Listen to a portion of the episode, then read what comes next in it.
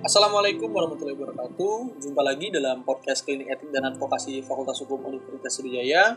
Saya Ferdian Saputra, yang pada kesempatan kali ini kita akan membahas perihal PMKH atau perbuatan merendahkan kehormatan hakim. Namun pertama-tama kita harus mengetahui dulu nih, apa sih itu hakim dan apa saja lingkupan daripada kekuasaan kehakiman.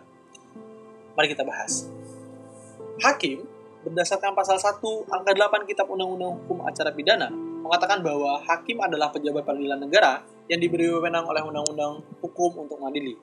Jangan dalam pasal 1 angka 5 Undang-Undang Nomor 48 tahun 2009 tentang kekuasaan kehakiman mengatakan bahwa hakim adalah hakim pada Mahkamah Agung dan hakim pada badan peradilan yang berada di bawahnya dalam lingkungan peradilan umum, lingkungan peradilan agama, lingkungan peradilan militer, lingkungan peradilan tata usaha negara, dan hakim pada pengadilan khusus yang berada dalam lingkungan peradilan tersebut. Pengertian di atas jelas sangat jelas mengatakan bahwa hakim adalah pejabat peradilan negara yang diberi wewenang oleh undang-undang untuk mengadili. Jadi seyogyanya, kehormatan hakim ini dilambangkan dengan adanya kekuasaan kehakiman yang termaktub di dalam amandemen ketiga Undang-Undang Dasar Negara Republik Indonesia tahun 1945 yang menyatakan bahwa kekuasaan kehakiman adalah kekuasaan negara yang merdeka untuk menyelenggarakan peradilan guna menegakkan hukum dan keadilan.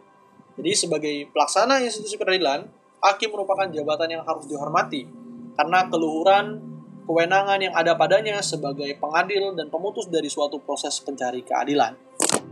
Selanjutnya, apa sih itu PMKH? Nah, mungkin kawan-kawan ada yang sudah pernah dengar atau ada yang baru pertama kali dengar istilah daripada PMKH ini atau perbuatan merendahkan kehormatan hakim.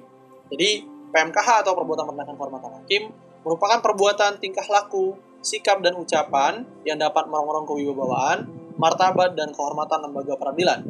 Sikap-sikap tersebut dapat dikategorikan dan dikualifikasikan sebagai penghinaan terhadap lembaga peradilan atau contempt of court.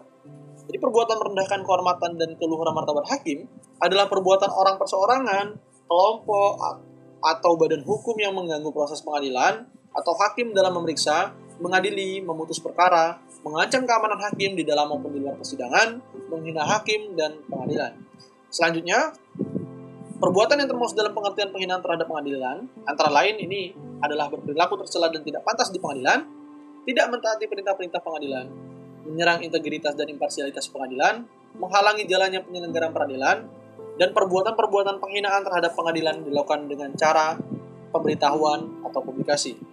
Ancaman terhadap kehormatan hakim tersebut dapat berupa ancaman verbal maupun non-verbal atau fisik.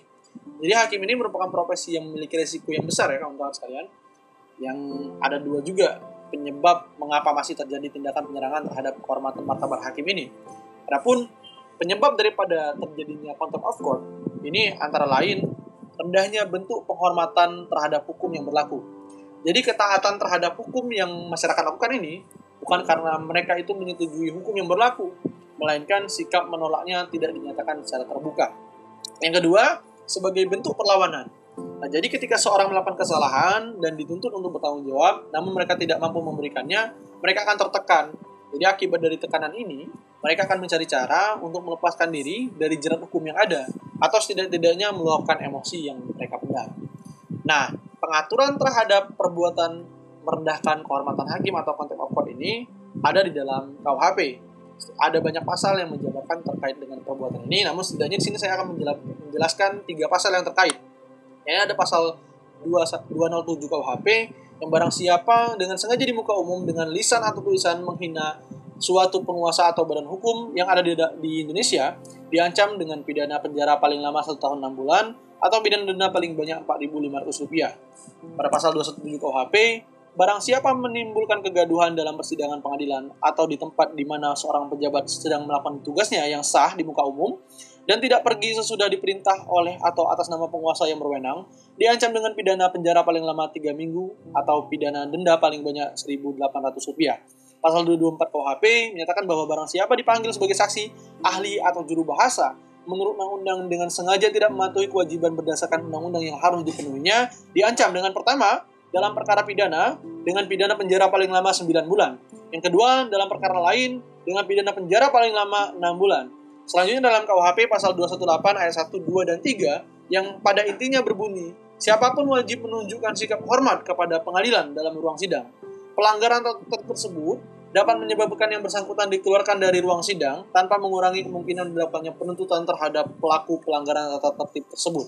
Sehingga contempt of court merupakan salah satu perbuatan yang dapat melanggar ketentuan tata tertib proses pengadilan yang memiliki konsekuensi teguran maupun sanksi pidana.